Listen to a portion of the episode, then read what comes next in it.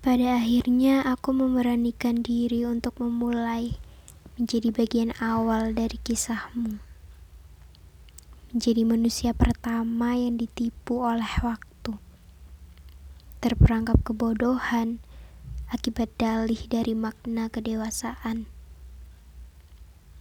Kupikir menjadi awal adalah pilihan yang tepat.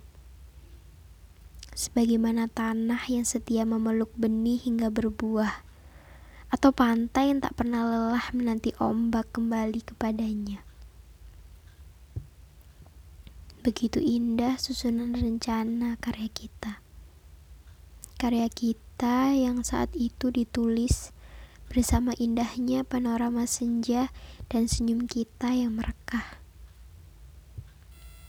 Seolah jika bersama semuanya akan bisa. Seolah jika bersama semuanya akan indah hingga kita lupa akan restu semesta. Kita lupa. Lalu ia murka. Ia marah.